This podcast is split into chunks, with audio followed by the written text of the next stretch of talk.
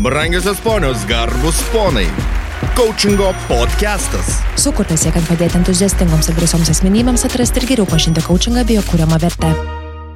Sveiki visi entuziastingi ir drąsūs ir klausantis mūsų coachingo podcast'o, kaip ir kiekvieną ketvirtadienį.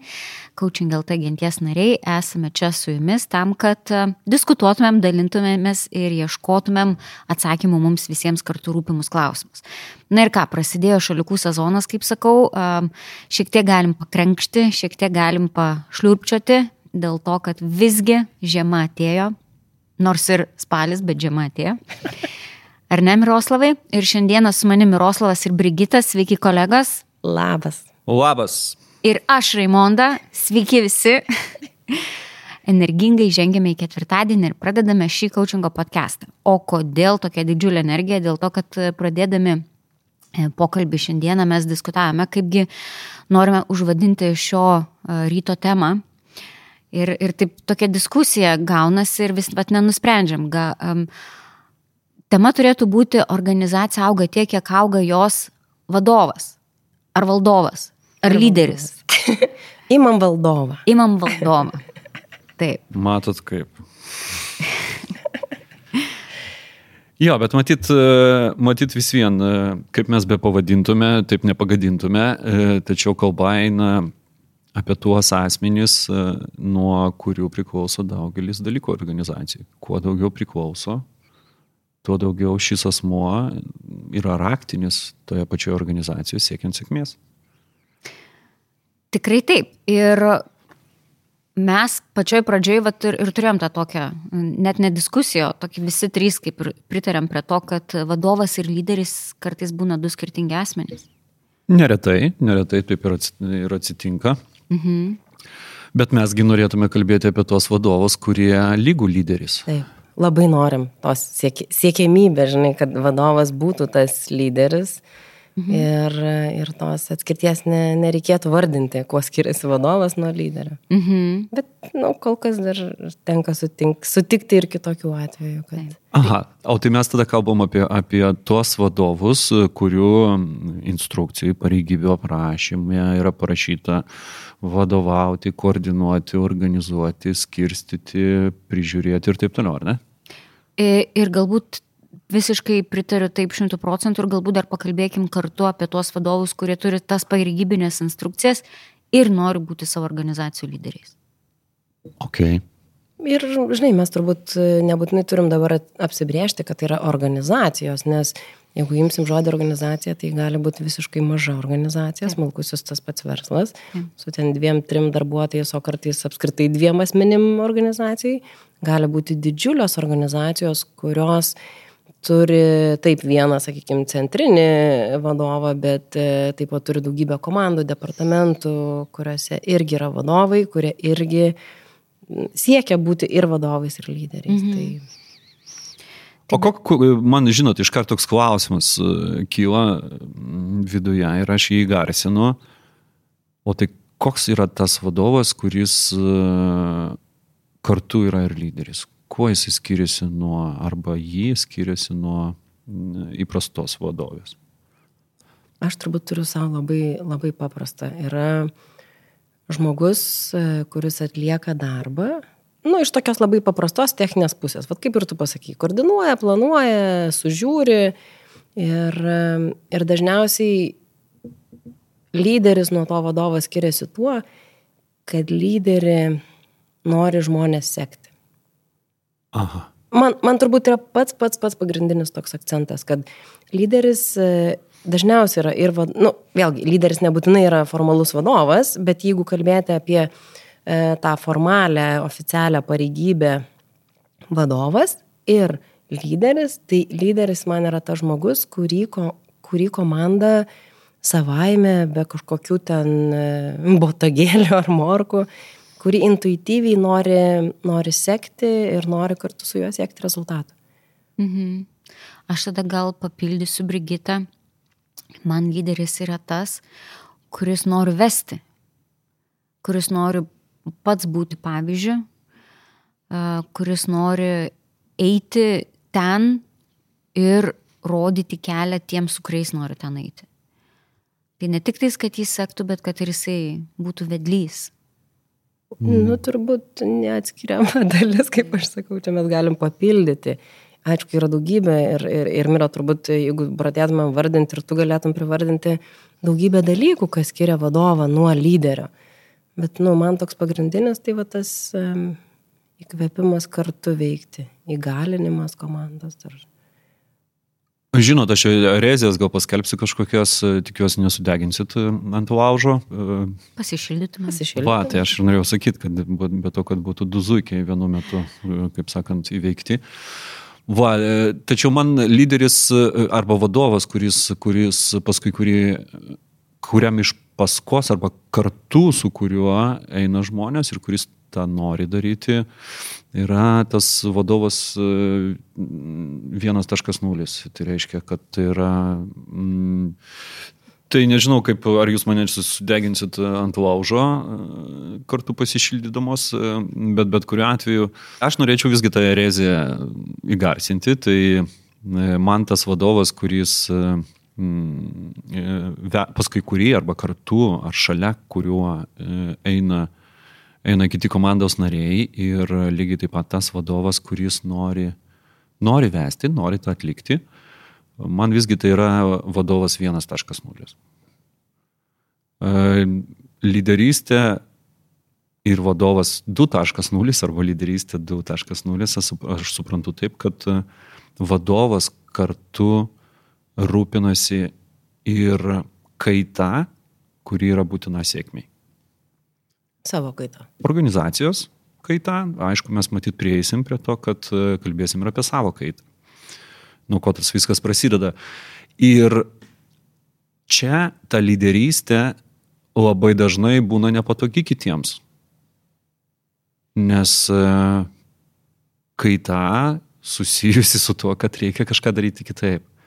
Ir šioje vietoje būna kaip tik, kad jeigu tu darai viską, kas nesulaukia jokio pasipriešinimo arba apmąstymo ir taip toliau, tai reiškia tavo lyderystė nėra tokia kažkokia super duper ypatinga.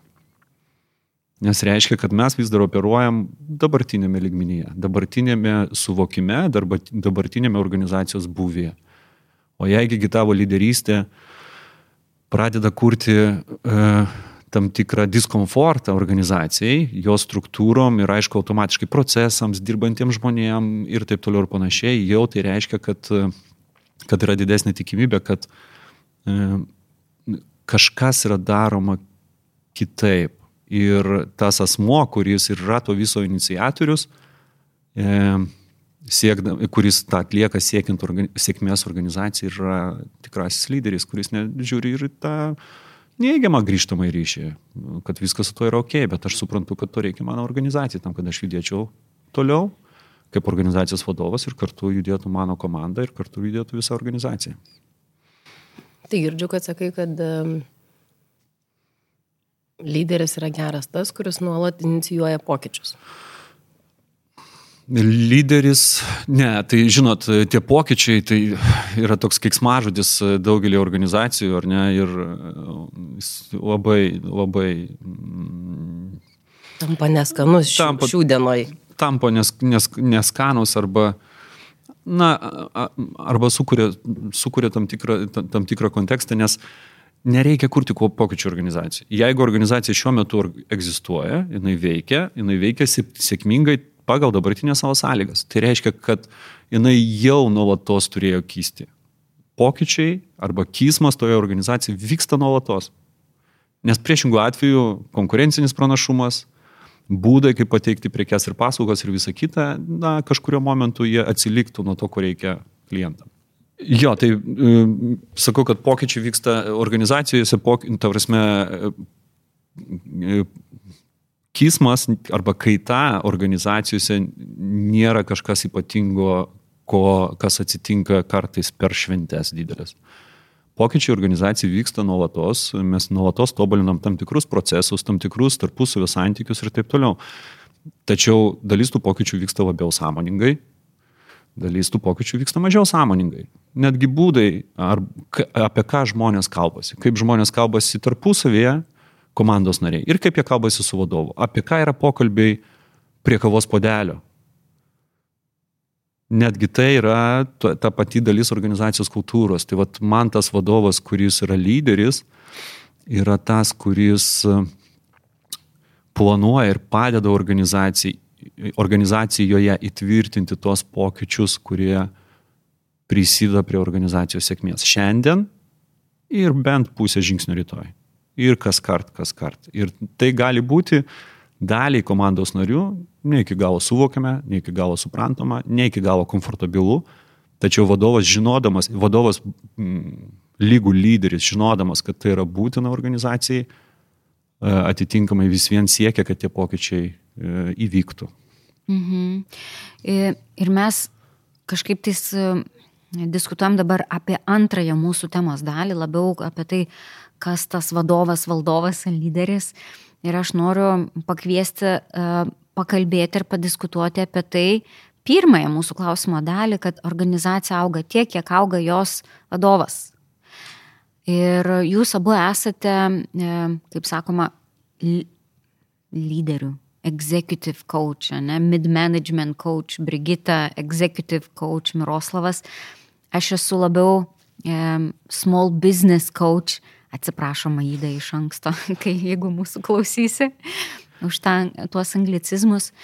Ir kad ir kur be būtų, ar tai būtų viduriniosios grandies vadovas, ar tai būtų aukščiausio lygio vadovas, ar tai būtų smulkio verslo savininkas, netgi solopreneris, ne?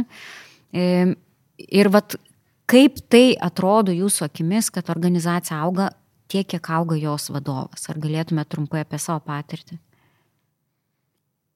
Savo patirtį augimo kaip, kaip vadovų. Kaip vadovų. Tai yra labai įdomu paklausyti, kokia jūsų asmeninė patirtis kaip vadovo augimo, nes aš tikiu, kad turim visi labai daug tokių ir nudegimų, ir padėgymų, ir sėkmės istorijų.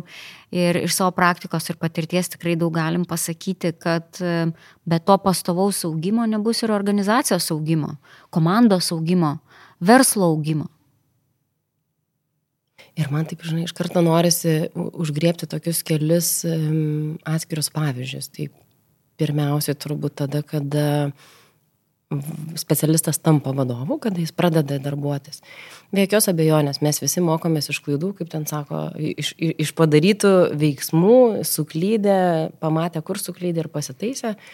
Ir man čia turbūt labai yra va, tas svarbus mokymosi etapas uh, - savęs pažinimo, komandos pažinimo, procesų pažinimo, uh, verslo supratimo. Labai daug dalykų, nes e, komanda iš tikrųjų pradeda keistis kartu su vadovu, tada, kada vadovas tiek auga kompetenciškai, tiek savęs pažinimo kryptimi, tiek emociškai, jau nekalbant apie visus, sakau, verslo procesus ir, ir, ir, ir techninius įgūdžius. Kitas turbūt toks momentas yra tada, kada būna ir, ir man tekia yra stebėti, kada, sakykime, tie patys team lydai, e, grupės vadovai, jie paauga ir jau aš tada viską moku. Ir atsiranda sąstingis toks. Mhm. Tai va tada labai pasimato per komandą, per rezultatus. Iš pradžių dar kurį laiką atrodo tarsi važiuojama iš, inte, iš inercijos, kad viskas buvo neblogai sustatyti procesai.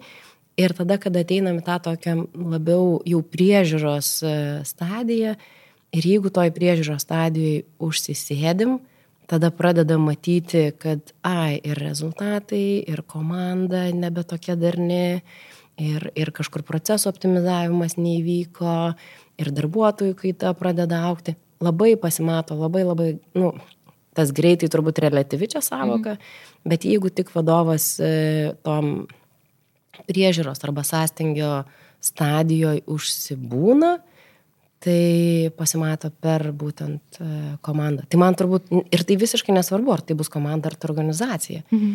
E, pasiekmes bus tokios. Tai reiškia, man tai iš karto reiškia, kad vadovas kažkur užsisėdėjo, pabuvo toj komforto zonoj, kažko nenorėjo matyti, nenorėjo daryti.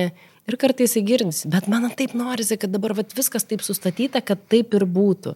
Bet kaip ir Miroslavas sakė, kad nu nebūna taip, vadovas vis tiek turi būti tarsi tą pusę žingsnio priekyje, kad galvotų į priekį. Ką, kur, kaip, ką man reikia kaip vadovui, ką man reikia kaip žmogui išmokti, sužinoti, kaip prisitaikyti, ypač tada, kada šiandieninis greitis yra, nu, tikrai kosminis.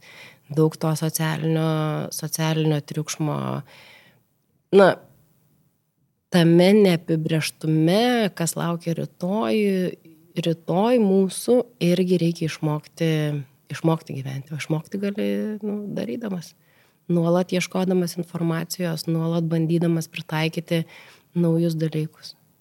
Tai mhm. man galbūt sąsaja yra per, per tokius labai, sakau, pavyzdžius. Nežinau, ką kiti papildyti mhm. gali. Puikius pavyzdžiai. Aš norėčiau prie to dar papildyti apie tai, kad aš pradedu nuo to, kad taip, kaip mes suvokiame mūsų supantį pasaulį, lemia mūsų veiksmus. Tai, ką mes matome, e, kaip suprantame procesus, kurie vyksta, automatiškai vienaip arba kitaip e, tampa mūsų veikimo būdu arba neveikimu. Tai kuo plačiau, kuo tiksliau, kuo aiškiau mes matome tą pasaulį, tuo mūsų veiksmai labiau atitiks e, tokius veiksmus, kurių reikia sėkmiai. Mhm. Tai man tas augimas ir susijęs su tokiu nuolatiniu mm, kompaso derinimu. Tam, kad jisai būtų dar tikslesnis ir ta šiaurė, ir ta kitos pasaulio šalis būtų dar labiau, dar labiau tiksliau identifikuotos. E, mes visi esame ir turime savo akydangčius, kiekvienas, kaip žirgų lenktynėse. Ir E, tie akydangčiai vienaip arba kitaip, e, dar kitaip pabandau dabar jau, ar ne, apie tą patį pasakyti, vienaip arba kitaip apriboja mūsų matymo lauką. Ir tie akydangčiai yra sąlygoti daugelio dalykų, sociokultūrinės aplinkos, kurioje išaugome, kurioje šiuo metu esame, mūsų, mūsų um, artimiausių asmenų, mūsų ten pirmai, pirmų išgirstų žodžių pamokslavimų, pamokslų ir taip toliau ir panašiai. Ir svarbiausia, mūsų klaidų ar ne, tų nesėkmių, kur mes traktuojame kaip nesėkmės, praeities žingsnių, kurie mūsų galva nepasiteisino. Ir vienaip arba kitaip tai apriboja arba įrėmina, įprasmina kažkaip tai mūsų ateities pasirinkimus. Tai darbas su savo kydangčiais e, yra vienas iš pagrindinių darbų, kuriuo, kurį dirbu aš su savim, pirmiausiai, kalbant matyti apie tai. Ir man atrodo, kad ir bet kuriam vadovui darbas su savim ar vienam, asmeniškai, ar kartu su coachingo specialistu yra šiek tiek apie tai.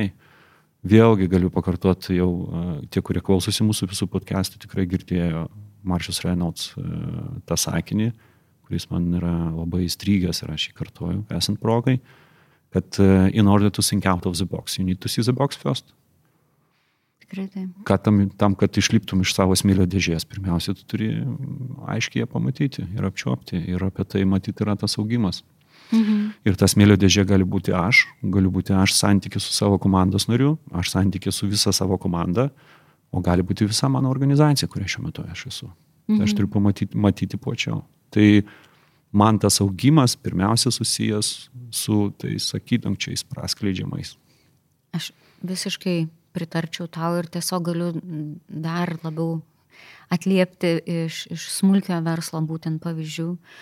Um, kai yra didelės organizacijos ir korporatai, tie vadinami ir tie vadovai, jie, jie yra ruošiami būti vadovais, jie yra treniruojami būdami vadovais jaunais ir, ir kiekvienas vadovas, nu, tu niekada nebūsi tas tobulas vadovas, jeigu tu pastoviai nedirbsi su savimi, nes nėra tobulybės, nėra vis geriau ir geriau ir geriau. Ir būtent smulkiame versle, su kuom dažnai susiduriu uh, savo kasdienėje praktikoje arba pokalbiuose tiesiog su smulkio verslo savininkais apie tai, kad uh, jie neturi laiko, kada dirbti čia būti tais vadovais.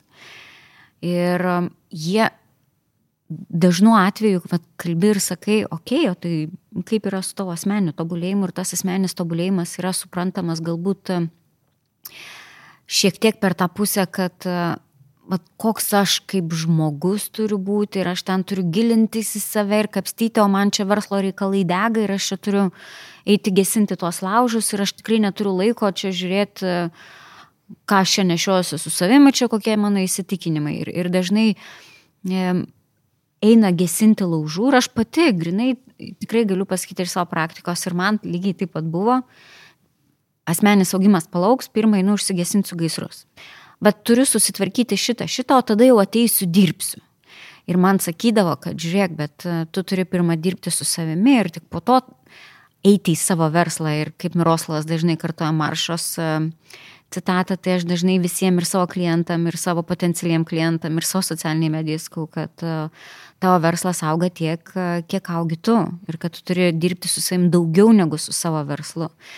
Ir ką matau ir ką pastebiu, kad tikrosios verslo transformacijos prasideda, kai įvyksta savininko transformacija. E, ne, ir ta transformacija nebūna faina, ir jinai būna dažnai ir daug ašarų, ir dažnai daug mūstymos, ir dažnai daug to tokio nepatogumo visiško, pamatant save, pamatant savo įsitikinimus tuos, kur um, šitaip dariau, šitaip nepavyksta, šitaip dariau, šitaip irgi nepavyksta. Ir, ir pradedi kvestionuoti, ar, ar tikrai viską padarai teisingai. Jo, viską padariau, čia taip nevyksta, taip tikrai nebus ir taip tikrai negali būti. Ir kai žmogus gerai pradirba su savimi ir su savo įsitikinimais, kaip Miroslavas ir sakė, tas atsinešti iš mūsų vaikystės, atsinešti iš mūsų pirmųjų patirčių, antrųjų patirčių ir susiformavę per, per mūsų gyvenimą kažkokios nuostatos, kurios galbūt tiko tam gyvenimo periodui, ar ne, ar tam verslo periodui, ar, ar tam darbo periodui, bet dabartiniam jau nebe. Ir, ir kai pradirbama yra su šitais dalykais, atsiveria tokia, žinot, wow, tokios transformacijos pareina į verslus. Ateina ta, kaip visi ieško motivacijos, neturiu motivacijos, esu pavargęs. Kai vyksta ta tikroji transformacija ir tu pamatai, kas tave laikė, va, kaip Miroslavas, kaip Miroslavas ir minėjo, prasiplėtė tavo matymo ir suvokimo laukas, atsiveria tiek naujų galimybių, kur anksčiau nebuvai matęs, nes neleidai savo net pagalvoti, kad tai yra įmanoma. Man viena iš tokių, aš jeigu galiu iššokti su savo pirkimusiu balsu, tai viena iš tų tokių nuostatų, kad lyderis gimstama, o ne tampama. O ne. Viena tokių, kur maždaug, nu tai aš jau čia nieko negaliu padaryti, mm. nes lyderių turi gimti. Ir, ir kartais toks, nu, toks net ir juokas suima, ir, ir va, tai yra viena tokių stipriausių turbūt nuostatų. Kurios ir trukdo žengti toliau, trukdo dėti pastangas ir, ir, ir atrodo, reikia tiek nedaug, tiesiog nuolatos po truputėlį judėti, žinant labai aiškiai, kokiu man pirmiausia turbūt kompetencijų reikia kaip vadovui, kokias aš dar kitas turiu nuostatas ar ne ir ką noriu pasiekti. Man atrodo, tokie trys pagrindiniai mm. komponentai. Žinoti, kur einu, žinoti, ką, ką reikia padaryti, kad, e, kad ten nueičiau ir, ir kaip tą tą darysiu. Nu, tai va iš, iš tų tokių, kad... Žinot, aš va čia irgi galvoju, kad e, pasireflektuot, va, pasižiūrėt galima būtų pabandyti paskatinti mūsų, mūsų klausytojus, va, e, pamastyti savo va tokiais kampais. Jeigu aš nepasitikiu komandos nariu, ar aš jam deleguosiu atsakingą užduotį? jeigu man nepasiteisino vienokia arba kitokia priemonė. Ar aš ją kartosiu antrą kartą? Jeigu mes nepasiekėme panašaus tikslo per praeitą ketvirtį ar per praeitus metus, ar aš sąžiningai dėsiu visas pastangas siekiant jo ir šiemet? Jeigu per praeitą sunkmetį mūsų verslai buvo nekaip, su kokiam nuostatom aš ateisiu į šį sunkmetį. Ar aš galiu ateiti su nuostata, kad šitas sunkmetis, jeigu jisai ateis, kad jisai bus mūsų verslui, mano įmoniai, mano komandai super sėkmingu. Su kiekvienu iš šitų klausimų galima dirbti. Nepasitikėjimas komandos narių ir nedelegavimas. Kodėl aš nepasitikiu? Kas sąlygoja, kad aš nepasitikiu? Bet šitas labai stiprus, bet kiek tenka dirbti su vadovais ir, ir čia, man atrodo, iš karto prisilipina ir, ir, ir tie patys perdegimai, ir, ir nenormuotas darbo valandos, ir negebėjimas tada matyti tos vizijos, nes tu nieko nematai, tu pats kaip vadovas bijai deleguoti, tada darai pats ir pakelti galvos, kaip sakant, iš tos vago, žinai, jau nėra kada. Tai tas labai apie pasitikėjimą komandos nariais ir delegavimą čia yra Bet lygiai taip pat smulkiame versle dažnai būna, aš pasitikiu, aš žinau, aš duodu, aš, pa, aš leidžiu ir kai pradedi nerti gilin, pasirodo, kad aš iš tikrųjų tai nepasitikiu, aš vis noriu kontroliuoti, aš vis noriu mikromanaginti, ne? Koks tas lietuviškas žodis yra? Mikrovadyba. Mikrovadyba. Tokį, toks vertimas tiesioginis, matyt, yra. Ir, ir tada tu gyveni tam užburtam rate, persidirbęs ir ypač smulkiame versle, kur visi procesai dažniausiai priklauso nuo to, kaip vadovas sugeba juos sustiguoti, tam, kad apskritai visas verslas aug, auktų. Tai Tai žinot, tai va aš čia norėdamas atliepti tą, ką Raimonda pasakė ir, ir pratesti, tai su kiekvienu šitų dalykų tai galima dirbti. Ir augimas čia nėra tame, kad, kad niekas nesikeičia ir rytoj, rytoj aš pradedu pasitikėti asmeniu. Tai nereiškia, kad aš pradedu tuo asmeniu iš karto automatiškai pasitikėti. Klausimas yra, kas turi būti padaryta. Ar ne? Iš mano pusės, iš mano asmeninės pusės, kitaip tariant, iš mano santykio su tuo komandos narių pusės, galbūt iš mano santykio su, su komanda, galbūt ir iš visų su, komandos susitarimų pusės. Ar ne? Jeigu man nepasi, nepasisekė priemonės, tai automatiškai nereiškia, kad priemonės yra neteisingos. Kaip mes jas įveiklinome. Ar mes galime kažką išmokti iš to mhm. ir e, kažkaip pakeisti savo veiklos modelį ir galbūt panaudojant tas pačias priemonės. Mhm. Jeigu mes nepasiekime tikslo, ar tai reiškia, kad mes jo nepasieksime ateityje ir dėl to neverta dėti pastangų. Kaip tik, ką reikia atlikti tam, kad mes tą tikslą pasiektume. Ir lygiai taip pat, ar yra bent viena organizacija, panašu, mūsų sektoriaus visatoje, kurioje, kuriai pasisekė ir kuri buvo sėkminga per ateinantį sunkmetį, Tai kodėl mes e, turime vėl kartoti tas pačias klaidas? Ką mes galime daryti kitaip, kad mums tikrai pasisektų? Ir tai man yra susiję visuomet su šiuos klausimus skatinančių, katalizuojančių, užduodančių asmenių. Ir čia ir yra tas vadovas. Tai tam, kad vadovas jos galėtų diskutuoti su kitais, pirmiausiai pats vadovas turėtų aukti ir matyti tame ir kitas pusės. Aš, jeigu galiu tą pasitikėjimą komandos nariais, dar tokiu vienu aspektu paliesti, tai yra dažnai e, sutinku, kad jeigu vadovas negali pasitikėti savo komandos nariais, jam lygiai taip pat yra sunku pasitikėti savimi kartais. Ir, arba atvirkščiai. Arba atvirkščiai. Pradžia nuo to, kad jis negali pasitikėti savimi ir taip, taip. rezultatas, kad negali pasitikėti komandą. Taip, ir tada va čia ir yra tas asmeninis augimas, ne?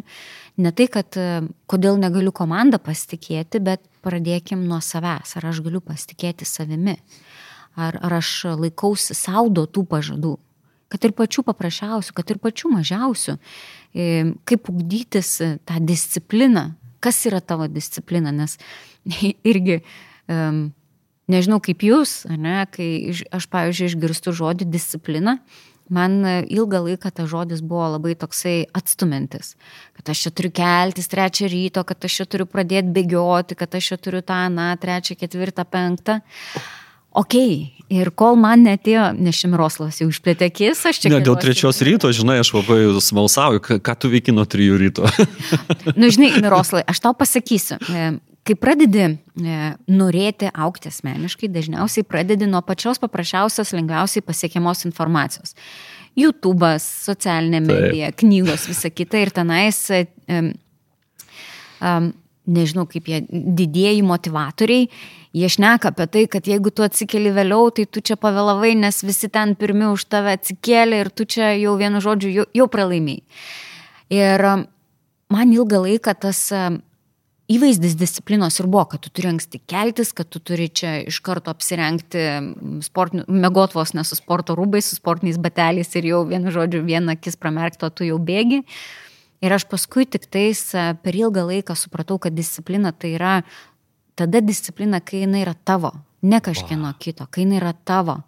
Ir čia irgi toksai, žinot, man didžiulis buvo pokytis gyvenime, kai aš supratau, kad Taigi aš kuriu savo discipliną pagal tai, kokia aš esu ir dabar, kai dirbu su savo klientėm ir padedu joms susikurti savo disciplinos, tai jos, ta prasme, jom, jom visai kitom spalvom nušvinta pasaulis. Ir jos tada pradeda laikytis tų duotų pažadų savo, kad, na, nu, žinot, e, dabar sportuosiu, dabar jau sveikai valgysiu, dabar jau atliksiu visas užduotis, atsakysiu visus mailus, pakelsiu visus skambučius ir panašiai. Ir kai tu sudėlioji savo discipliną ir kai tu aiškiai žinai, kada ką tu turi daryti arba kada ką tu turi, gali daryti. Ne? Pradeda laikytis duotų pažadų savo, prasideda tas pasitikėjimo savimi auginimas.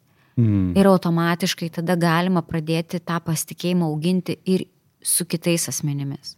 Tai va čia man irgi toks, dabar esu tikrai labai užsikabliavus ant tos asmeninės disciplinos ir man, man pačiai asmeniškai labai smagu matyti savo kelionę, kaip tas vystos ir kaip tas auga ir lygiai taip pat lygiai grečiai augu kartu su savo klientais, kurie lygiai taip pat dėliojasi disciplinas ir e, seka jomis ir kokie jų pokyčiai vyksta. Man čia dažnai ir, ir Mirslavas, ką sakė, ir tu, ką sakai, viskas fain. Žinai, kai tu jau žinai, kur tu stringi, ko tau trūksta. Viskas labai gerai. Tada, žinai, tada rasis priemonės, tada rasis pagalba, ieškosim ar mentorius, ar kočingo specialisto, ar galų gale ten draugo patyrusio, mes ieškosim pagalbos. Man labai norisi vat, padaryti tą žingsniuką truputėlį atgal, mm. nes tikrai tenka sutikti, sutikti vadovų, kurie sako, taigi viskas gerai, aš čia viskas, viskas fain, aš viską čia moku, viskas čia, ta prasme, kaip, man labiau tas, kaip padėti vadovom pamatyti, kad augimas yra būtinas. Nes jeigu mes stovim, žinai, arba jie stovi, gerai, ir aš stovėjau ten, neapsimeskim, kaip sakančio šventuoliais, e, kaip padėti e, pamatyti, būnant toje stadijoje, kad man tikrai jis reikalingas kad man tikrai reikalinga disciplina. Nes kartais atrodo, kad taigi fain, nieko neskauda. Nes kai skauda, mes einame ieškoti pagalbos. Bet kai neskauda, atrodo, kad, okei, okay, plaukiam pasroviui. Taigi viskas, nu, va, ta komforto būsena. Ir tikrai turim ten užstrigusių vadovų, toje komforto būsenai. Ta prasme, jei irgi toksai kažkada tai minėjau, ne, jeigu tavo organizacija neplanuoja augimą, tavo organizacija planuoja sustraukimą. Ta prasme, organizacija, verslas, žmogus, šeima, dar kažkas, aš nekalbu apie šeimos gausėjimą, bet, bet tiesiog tą augimą, kaip, kaip šeima, kaip asmenybė augs kartu.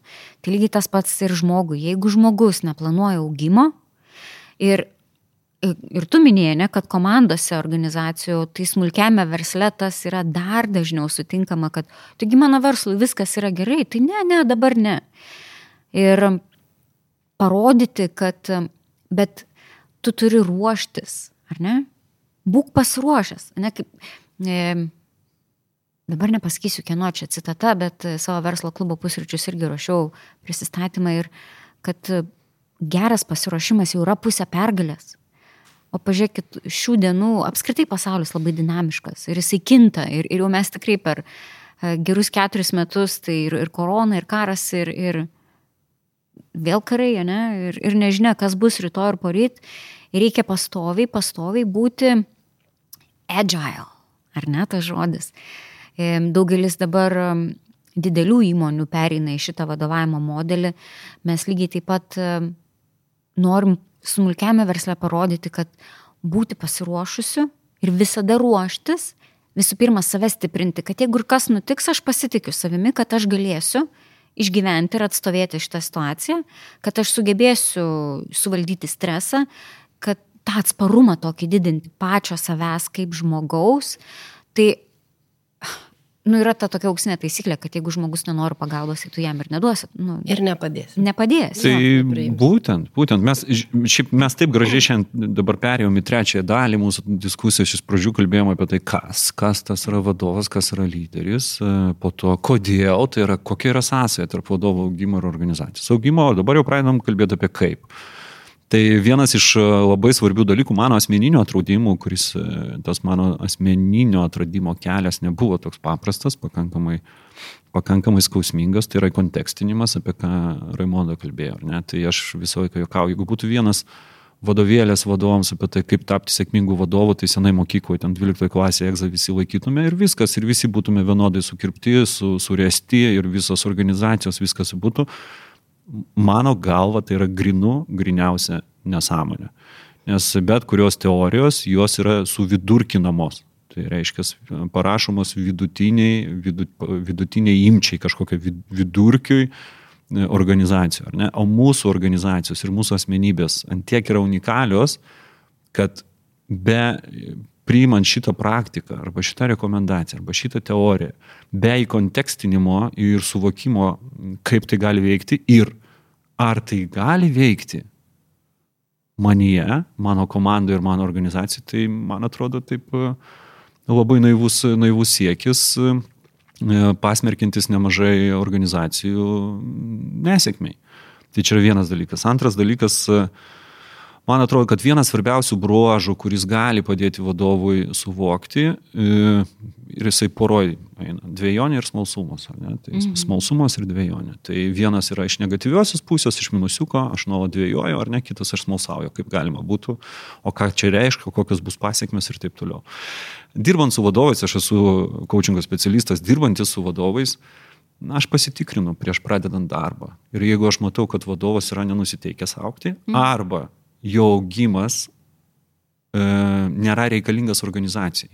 Ne? Tai reiškia, kad e, organizacijai jisai to savo augimo negalės realizuoti, aš su juo tiesiog nedirbu.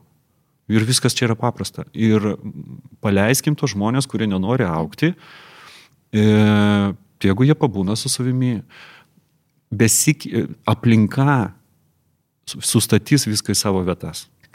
Vieną dieną neaugant, vieną dieną jie nebebus vadovais. Taip nebebus tokiais sėkmingais vadovais, jų komandos nebus tokiam sėkmingom ir organizacija, tai viskas sustatys savo vietą, laikas.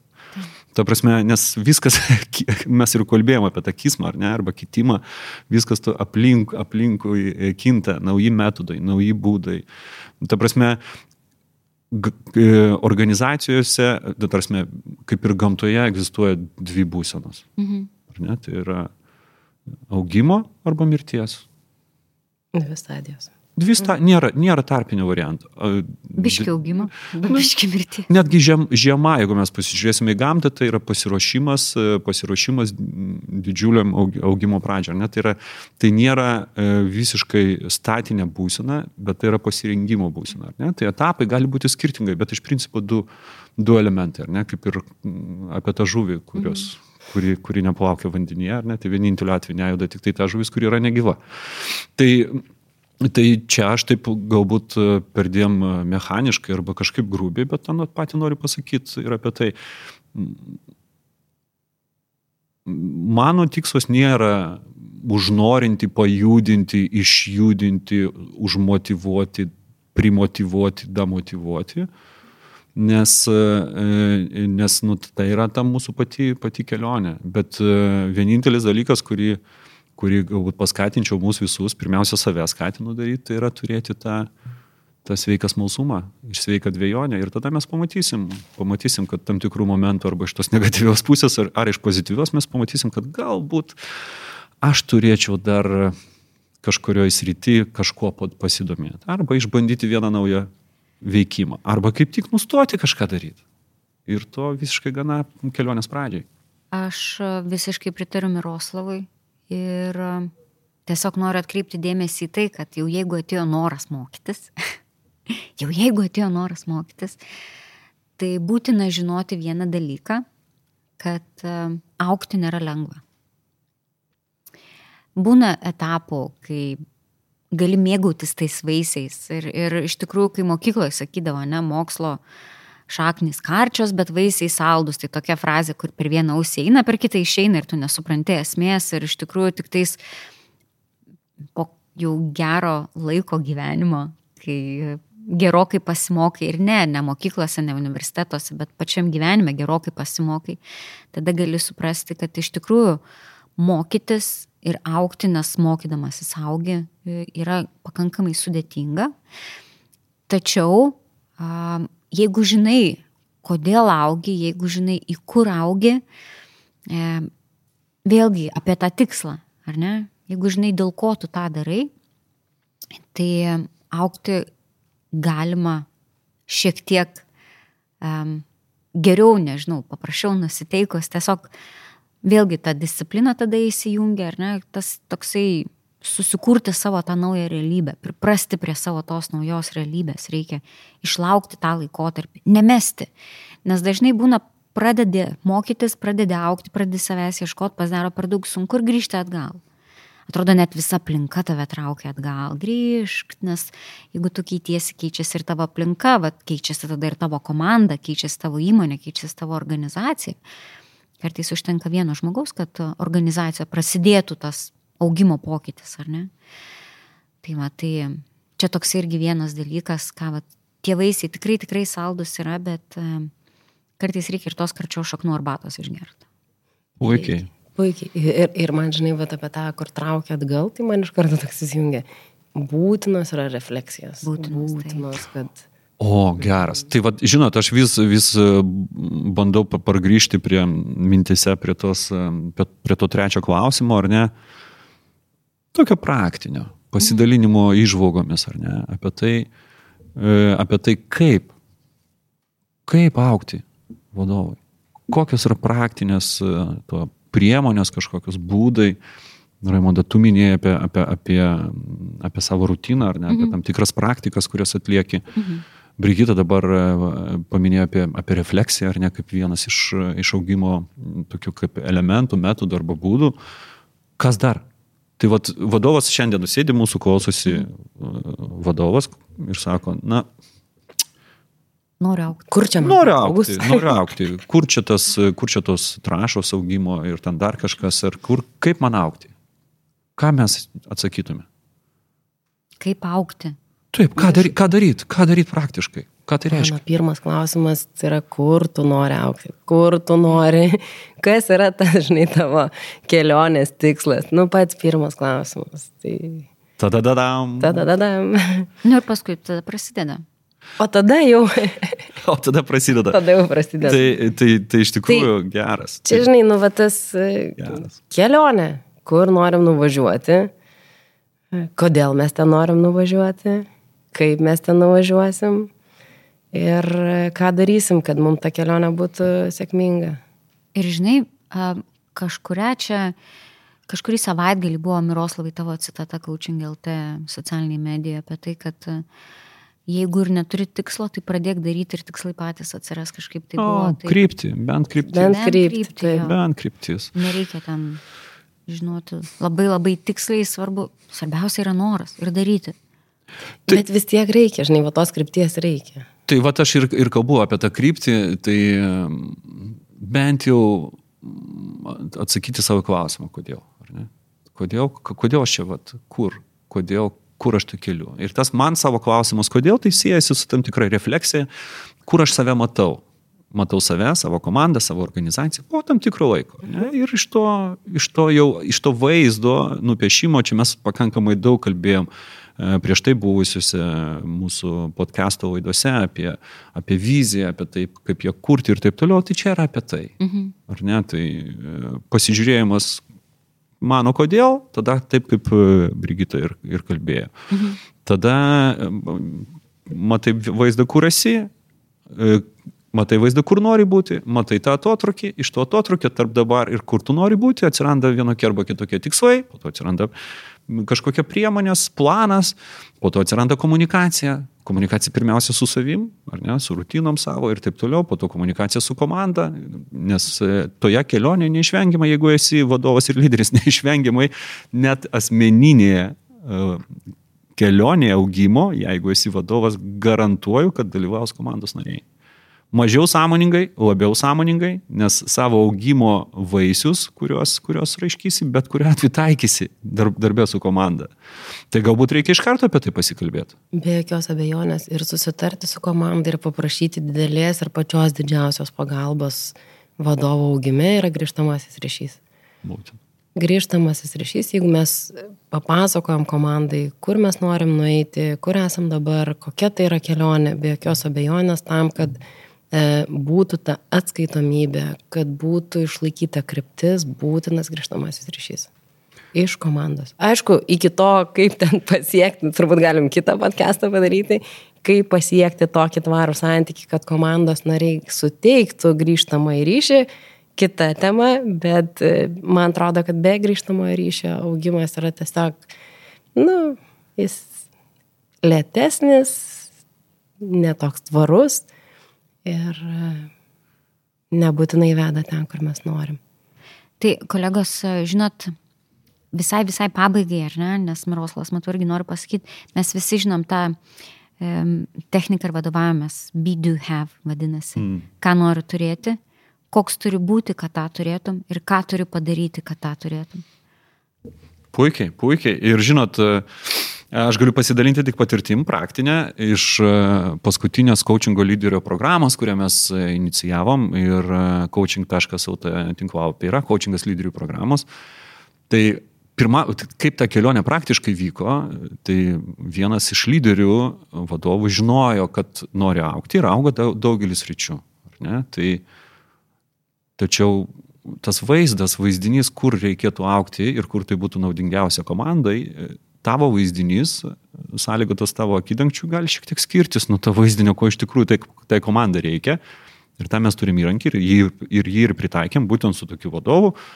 Mes paleidom 360 tyrimą, kur komanda pasakė apie tai, kokios yra tos lyderystės rytis tyrimo pagrindų, e, penkios rytis, penkiolika kompetencijų, kokios yra tos rytis ir kompetencijos, kurių, e, kuriuose augimas vadovai būtų pats palankiausias jam asmeniškai ir kartu komandai, o per komandą, aišku, ir visai organizacijai.